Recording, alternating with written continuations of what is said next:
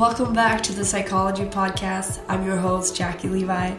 And wow, it really sounds as if I had a pubertal voice change or something.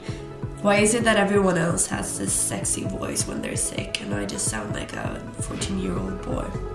Anyway, today we'll be talking about anxiety.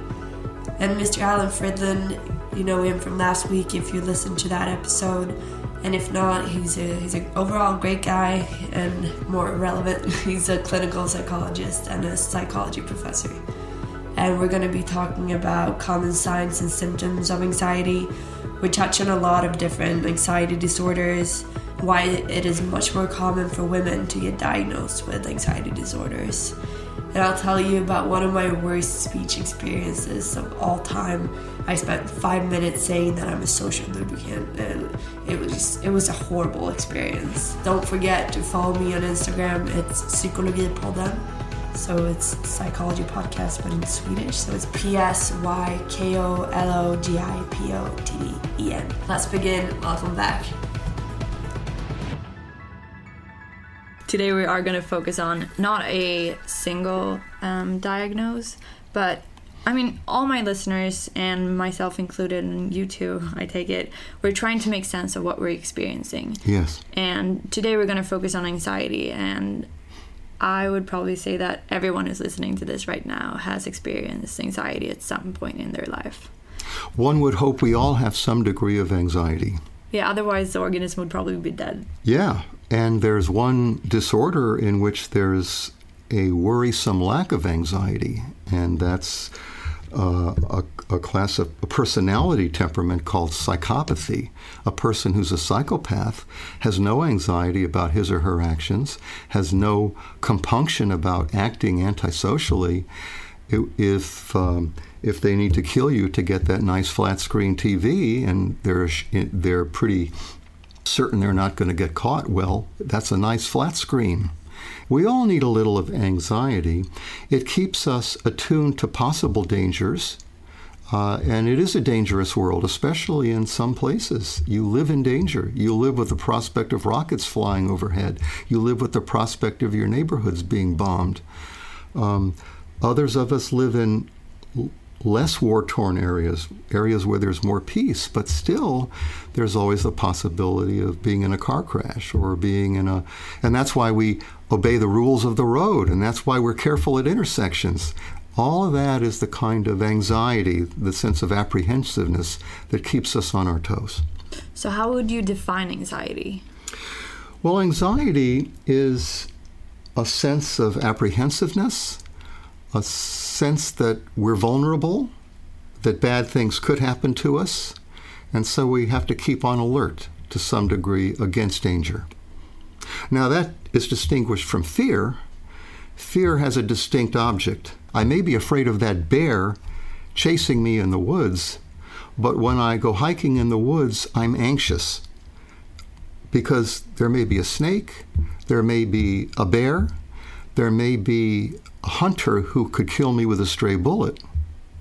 And so, all possibilities that I can't exactly predict may happen when I'm hiking in the woods, so it helps to be on guard a bit for everything, and that's anxiety.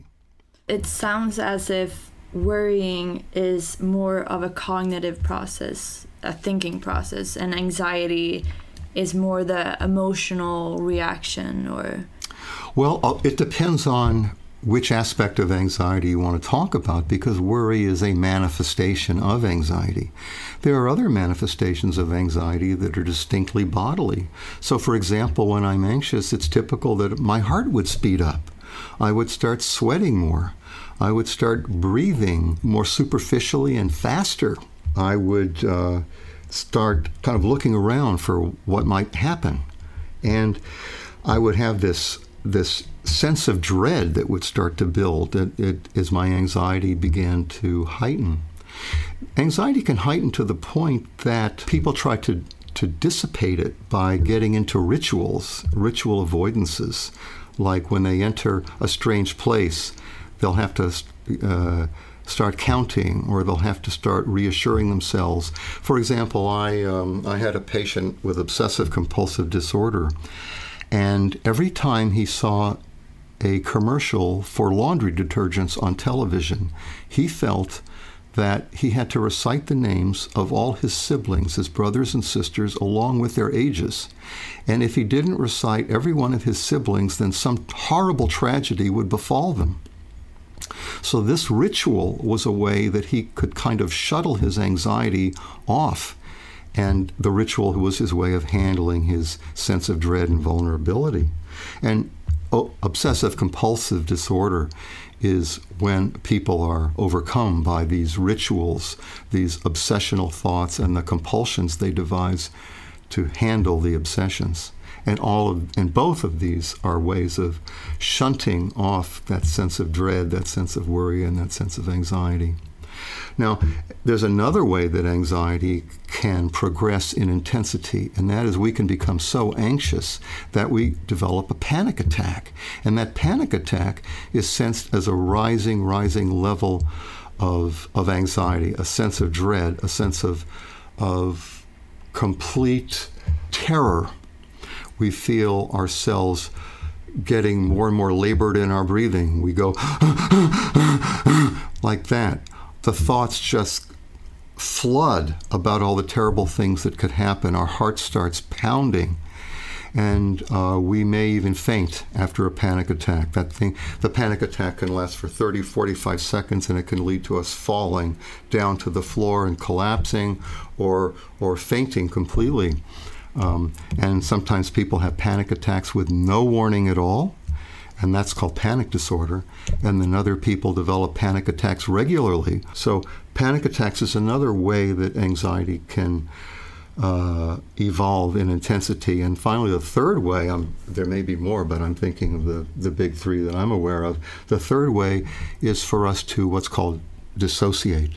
And dissociate is when we get so panicked and so anxious that we basically turn off, we tune out, we distance ourselves from the situation. And some people can almost enter a trance like episode, and people will say, Where did you go? And they'll reach this, this, this sense of. This occurs, for example, in, uh, in cases where you are going to have a traffic accident and you see your car just about hit the car in front of you, for example, and you find yourself trancing out at the moment of collision. And after you've collided and uh, you see that the cars are crumpling, and you may enter this period where you watch yourself going through this. And for a period of minutes afterwards, you're the witness to your own actions uh, in the cars as the driver, and then leaving the car, and people coming up to you asking if you're all right. And it's as though you're hearing them underwater because they seem so distant to you. And then finally, after a period of time, you feel like you snap out of it and you get back to to uh, the world without the filter of the dissociation in front of you. These kinds of dissociative episodes occur in many disorders, not just the anxiety disorders. For example, in post traumatic stress disorder, where there's a terrible trauma, and people, if, if they've been in wartime, they may hear. Uh, construction hammer on the street, and then they dis- dissociate because they, they leave the present and go back to when they were on the front lines and heard mortar fire.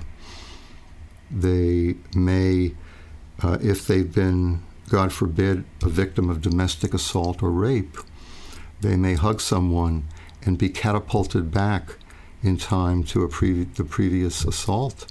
And they've left the present and they've spaced out Sometimes people use self abuse, they, they do self injurious behavior, like cutting, in order to force themselves to dissociate because they get so anxious and so panicked when they cut themselves and draw blood. It's like that act releases them from their anxiety and induces a depressive episode, excuse me, and induces a dissociative episode where all of a sudden they feel an unnatural calm. And that's how they can get through that horrible period. Mm. So, regardless of what kind of anxiety disorder we're talking about, it sounds as if the physical and the mental sensations are extremely strong. Absolutely. And of course, people can show anxiety in different ways. Some people get more cognitively bound up with anxiety. So, for example, they worry more and they're only slightly aware of any physiological issues, and maybe they don't engage in any particular kind of avoidance behavior with anxiety. Other people may not worry much, but they find that when they're in a stressful period, their GI tracts act up. They get constipated, they get diarrhea, they find they get palpitations, their, their breathing uh, gets very fitful and shallow and labored. Uh, all these things may represent different modes that people have, different characteristic personality ways that they have of handling anxiety. I have to tell you, I've, I've given you examples of severe manifestations of anxiety, but mild forms of anxiety are still diagnosable. Many people have anxiety at, at talking in front of people. Public speaking anxiety is the world's most common form of anxiety.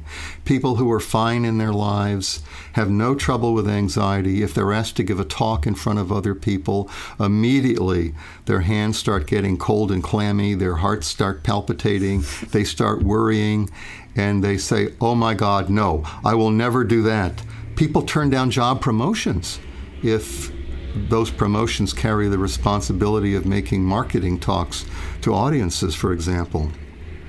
So, public speaking anxiety, which is a kind of social anxiety disorder, is incredibly common. And I have to tell you that anxiety disorders as a whole are the most common type of mental disorder that's diagnosed. Mm. They, uh, they are the, the, the one year prevalence of anxiety disorders. That means in any one year, how many people are diagnosable with an anxiety disorder? It's 20%. And how many people over their lifetimes will have anxiety that is sufficient to be diagnosed as a disorder? 30%. The other thing to say about anxiety disorders is they're very much related to depression. And well, I know we're going to get to depression later. But the majority of people who have anxiety disorders also have depression. And it's been argued that when you cope with anxiety for so long, you do get depressed because you start to feel hopeless and helpless to deal with your anxiety. And those are two of the cardinal signs and symptoms of depression.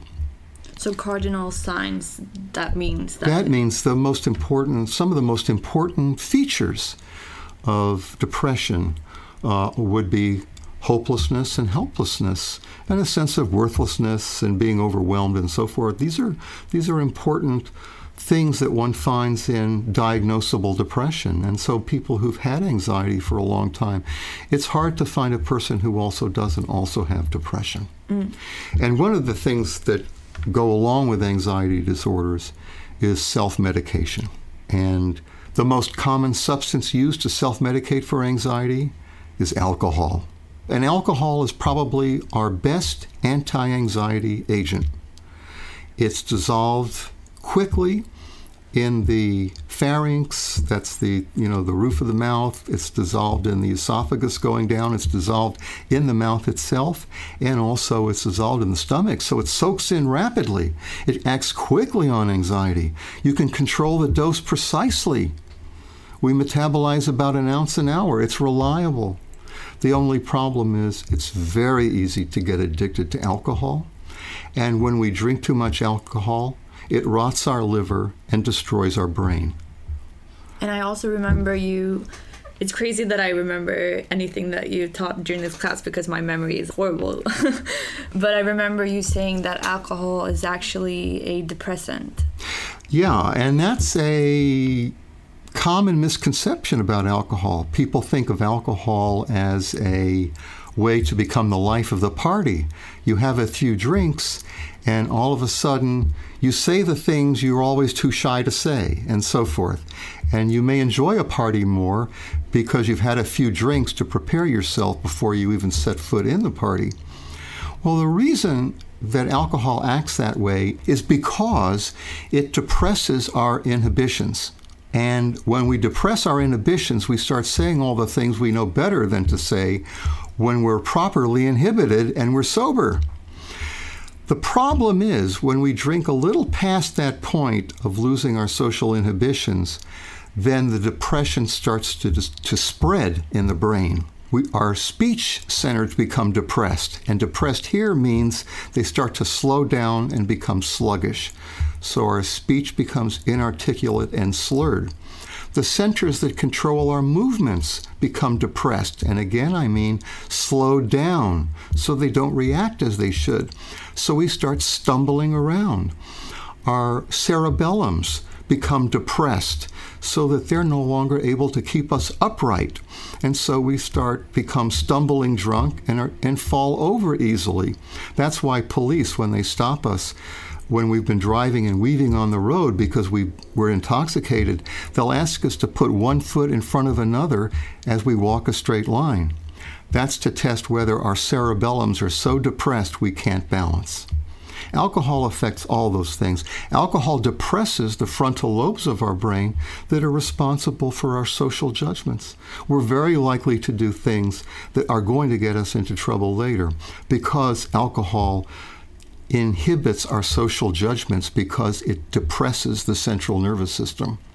The other thing to say about alcohol is long term, it is a psychological depressant. It depresses our mood. The, the temporary euphoria we get with small doses of alcohol, well, alcohol giveth and alcohol taketh away. Because with chronic drinking, the chronic drinker becomes more and more depressed and feels more and more hopeless to change and to stop self medicating with alcohol, and it becomes a vicious circle. Mm-hmm. We were talking about the physical sensations of anxiety, and you told us about some of them. Well, I, there's a whole list of things. Oh, I mean, yeah. people people have all kinds of things. They can feel when anxiety comes on, they can start trembling. They can start twitching, and they will tell you that they start to feel really, really shaky. Uh, they'll ask to sit down because they're not sure they can stand up.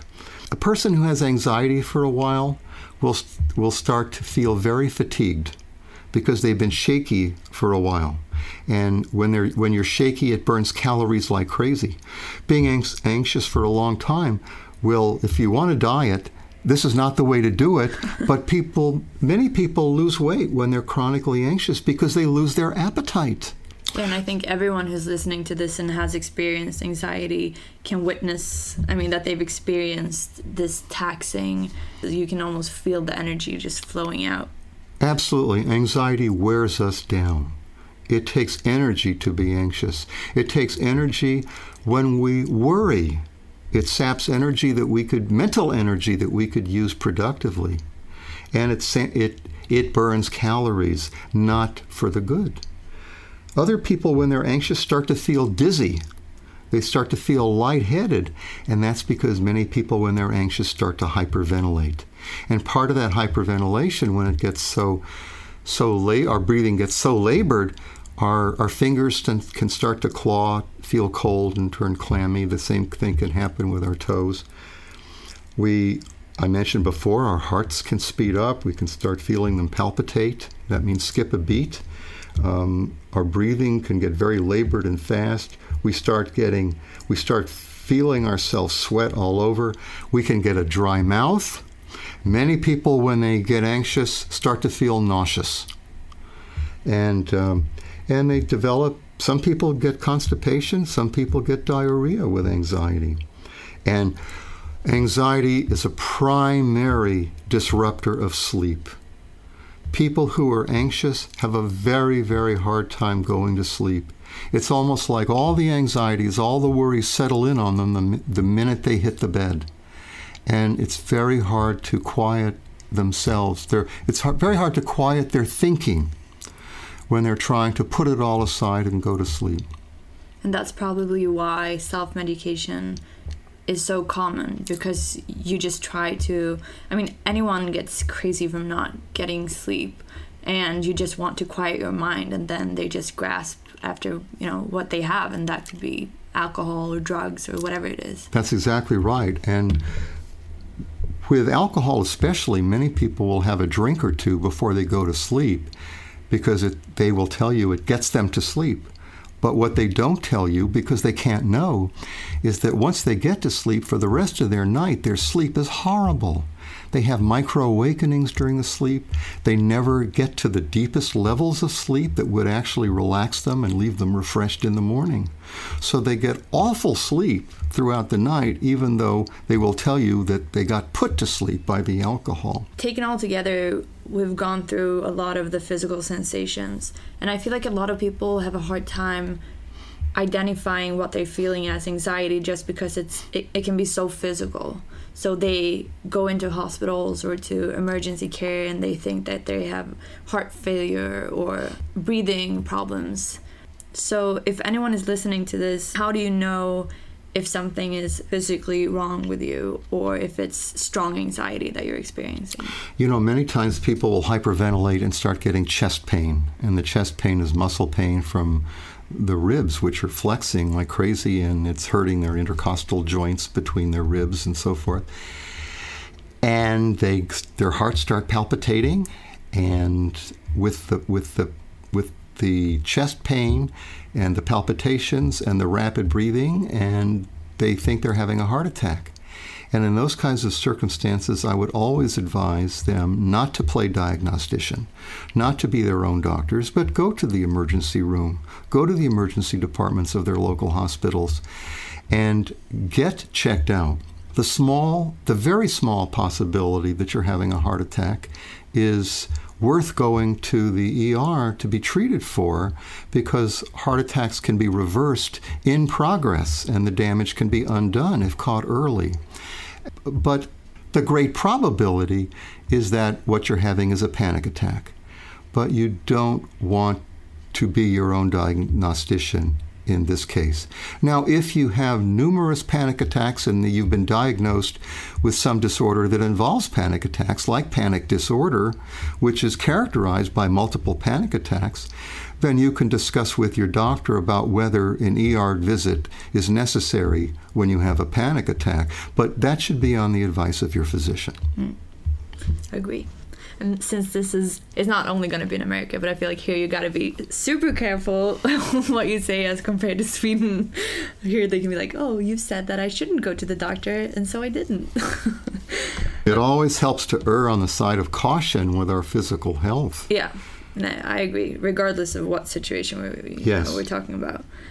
It's the people who feel healthy and never go to the doctor that one day may start having symptoms and it's a disease that they let progress. Are you trying to induce anxiety? I'm trying to induce rational health care. so, would you say, like, if we try to identify, I guess, a um, a common ingredient in all these situations. Would you say that uncertainty plays a big role in anxiety? Uncertainty is a very big role in anxiety. It's also a very big role in depression. But, but yes, uncertainty and anxiety. What will happen? How can I forestall bad things from happening? Mm-hmm. Uh, if this horrible thing happens, then what will I do? These are the kinds of things that trigger anxiety. We mentioned before anxieties about self presentation, like speaking before an audience. Anxieties are common in the bedroom. People have common anxieties about, about their sexual, quote, performance. And the notion of performance anxiety in, in sexuality was really coined in the 1950s and 60s by two sex researchers, Masters and Johnson. And they realized that so many people in the bedroom regard their sexual responding as a performance. And they started to feel like these people in the bedroom, and that, which whom they observed in the lab, by the way, started to feel like they had to put on a good show for their partner. And so, what if they didn't respond like they thought they should? It's like an actor not being able to remember your lines. So, are you going to fail your partner in bed? And so, a lot of people have this sort of pass fail performance view. Will I pass the audition? Will I get asked back for another audition? And so on. Um, and that pressure, that performance pressure, causes a great deal of performance anxiety in the bedroom. Mm-hmm.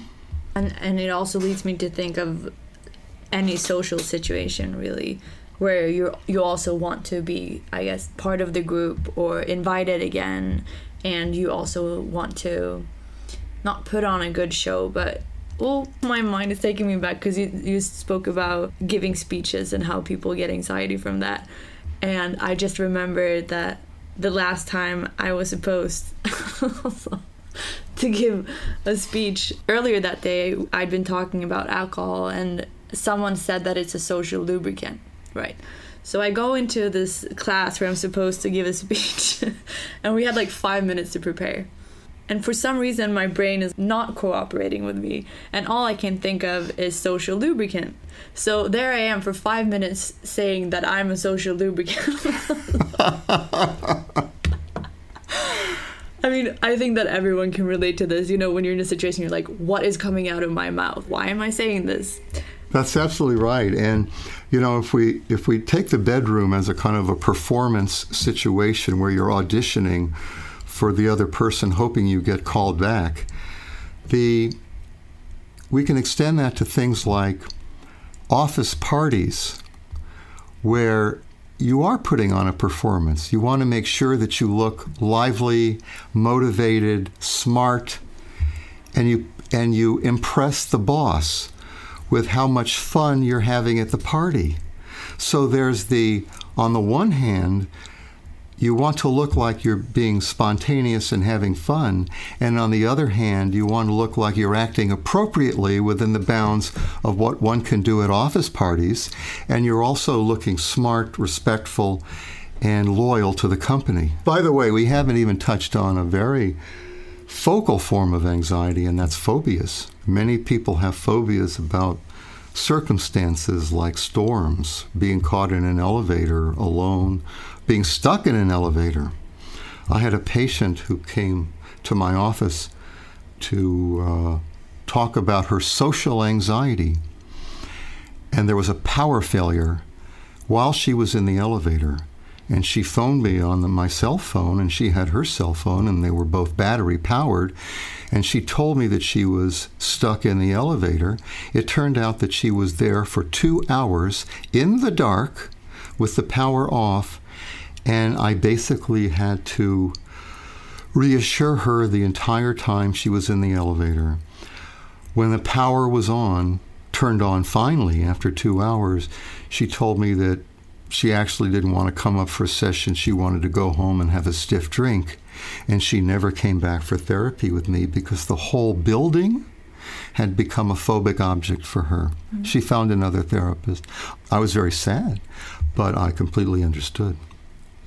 But you're, you're also touching on something important because when you talk about anxiety in general, something that comes to my mind at least is avoidance of different kinds. It's either you're avoiding certain situations or you're avoiding certain places or you're afraid of snakes so you don't go I don't know where you have snakes here into the desert. And the the cognitive part, I guess, of this avoidance is worrying where you try to imagine and prepare for all these hypothetical negative events, all these what if, what if this happened, what if that happens, and then you avoid that situation. That's absolutely right. People often develop very, very tightly controlled systems of avoidance, and I think you see that most of all in the disorder we call agoraphobia. And agoraphobia usually starts with a panic attack in a public place.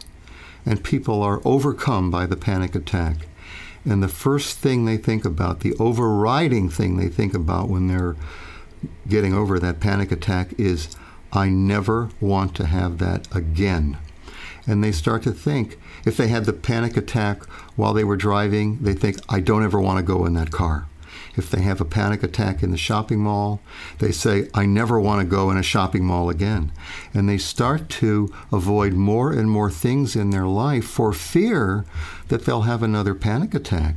And sometimes the, the fear and the pattern avoidance grows and grows and grows until at the end stage of agoraphobia, people stay in their house and maybe even stay in one room of their house where they feel like that's their zone of safety and they have other people do everything that needs to be done because the patient will not go out his or her zone of safety. I say his or her, we forgot to mention that anxiety disorders are diagnosed two to one, females to males. And we pretty well think that's right. We don't think it's a, a bias in diagnoses. We think that women actually do are more plagued by anxiety than men. So, would you say that women on average have a greater sensibility to developing not only anxiety disorders but experiencing anxiety on average? I'm not sure we know why women have anxiety disorders more than men. I mean, there have been speculations. For one thing, women tend to be more attuned to the dynamics among people in any kind of social situation. And so, whereas males might be oblivious to interpersonal tensions in a situation, women tend to pick them up quickly and are much more sensitive to them. Mm. It is also possible that women are more sensitive to the internal events in their bodies than men. We know uh, some studies that suggest that. We also know that there are studies that suggest that people who are more sensitive to what's going on in their bodies are likelier to have panic attacks. So, if you're attuned to your body, then you start worrying when you have a strange sensation. And you start to say, I wonder if this means that. And then that leads you to another physical sensation, which leads to a ramping up of more worry. And then you may, by virtue of your added sensitivity to internal events, you may ramp yourself up into a panic attack. If you were completely oblivious to what was going on in your body, you wouldn't ever worry about it. There are other theories that suggest that women in Western cultures have much more responsibility and much less autonomy, much less power. And while that's been changing in the last 20, 30 years, it is still true that, that women tend more to be at home with children, and children are an incredible responsibility, and the amount of tension, att- attention they require is enormous. Um, and it's a 24 7 job. On the other hand, men going out on their jobs, they get lunch breaks, cocktails, they get meetings, they get to go traveling, and so on. So there isn't quite the amount of enduring psychological stress, need to pay strong attention and unwavering attention to what's happening at home and with children and so on. So there may be something to that. Mm. There may also be something with the issues of self presentation. Women are, tend to be enculturated to be more concerned about their appearance and how they present themselves than men are. The, there's an old set of findings that, that women spend one year of their lives in front of a mirror, preparing themselves to go outside and be presentable. I dare say that men don't spend a year of their lives in front of a mirror. And so the anxiety about looking good, presenting well, I think is stronger for women than in men. And that applies in any public setting. So I think there, that's an added stress for women. Mm. Yeah, and as we said earlier, with anxiety, it's so taxing and it, it draws so much energy from you. You know, letting some of that steam out mm-hmm. or being able to talk about it might alleviate the feeling of I don't know what the feeling would be, but to alleviate the anxiety, I guess.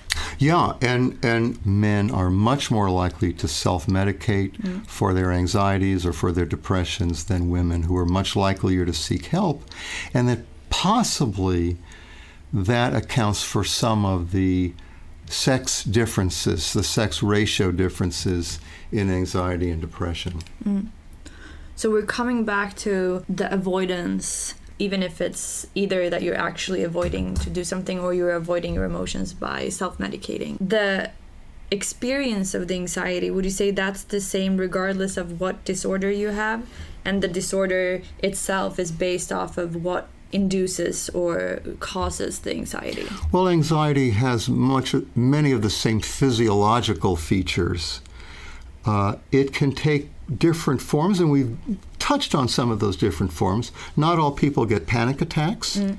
Not all people worry the same way that the real worriers, the generalized anxiety people, mm. uh, tend to worry. Uh, not all people dissociate, uh, and so on. Uh, I think the one we really haven't touched on as much, though, is obsessive compulsive disorder. And, and here the worry tends to be there, there tends not to be worry in obsessive compulsive disorder, but there tends to be a rapid ramping up of anxiety. And it's associated with obsessional thoughts. Something may be out of balance. Something may not be counted, and you have a compulsion to count. And so the anxiety will ramp up unless you enact that compulsion and you can't really explain necessarily the basis for why that anxiety ramps up. Let's just say, let's say I'm a student in college and I have a roommate, and I'm the kind of person that has to have all my books stacked up perfectly in order of size so that the largest book is at the bottom and the smallest book is at the top and the books have to be symmetrical and stacked perfectly and then my roommate comes along takes out a book from the middle of the stack and leaves the stack unbalanced, askew, and so on. I come into the room, I see this stack completely disrupted, it's off balance, it's out of order, and my ang- anxiety ramps up to an intense level. I feel my heart palpitating, I feel myself starting to sweat, and I'm incredibly tight and I immediately have to go fix that pile to make it right again, or else it feels like I will go crazy. Mm. And so that's a form of anxiety that almost immediately gets diverted over in, into a ritual in order to knock it back down.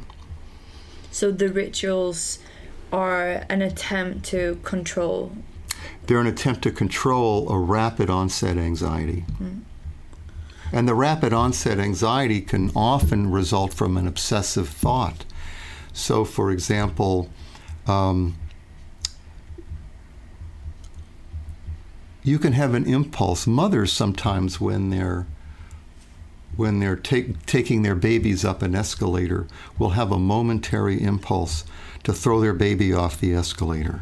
Or people, when they're at the top of a tall building and perched on the edge behind the fence, will get a momentary impulse what if I leap? What if I leap? What if I leap? What will that be like? And they immediately get frightened and pull themselves back. That's what it's like for the person with OCD who experiences a thought and then quickly has an anxiety level that ramps up so rapidly they have to enact a compulsion yeah, I feel like everyone can relate to that. If you're driving and you think, oh, I, I steer the wheel a little bit that way, or what if I jump in front of the subway? I know we don't have that here, but we could go on forever. We need to uh, wrap it up. But uh, thank you so much for being here, or I guess I'm at your office, but for being on the podcast. Well, it's a pleasure. Thank you, and thanks to your audience. Sure. If they have any questions or want to hear more from you, they, they're free to write me. My uh, email is uh, Fridlund, F R I D L U N D, at psych, P S Y C H, dot UCSB dot edu. Cool. Okay, take care, everyone. Bye. Bye.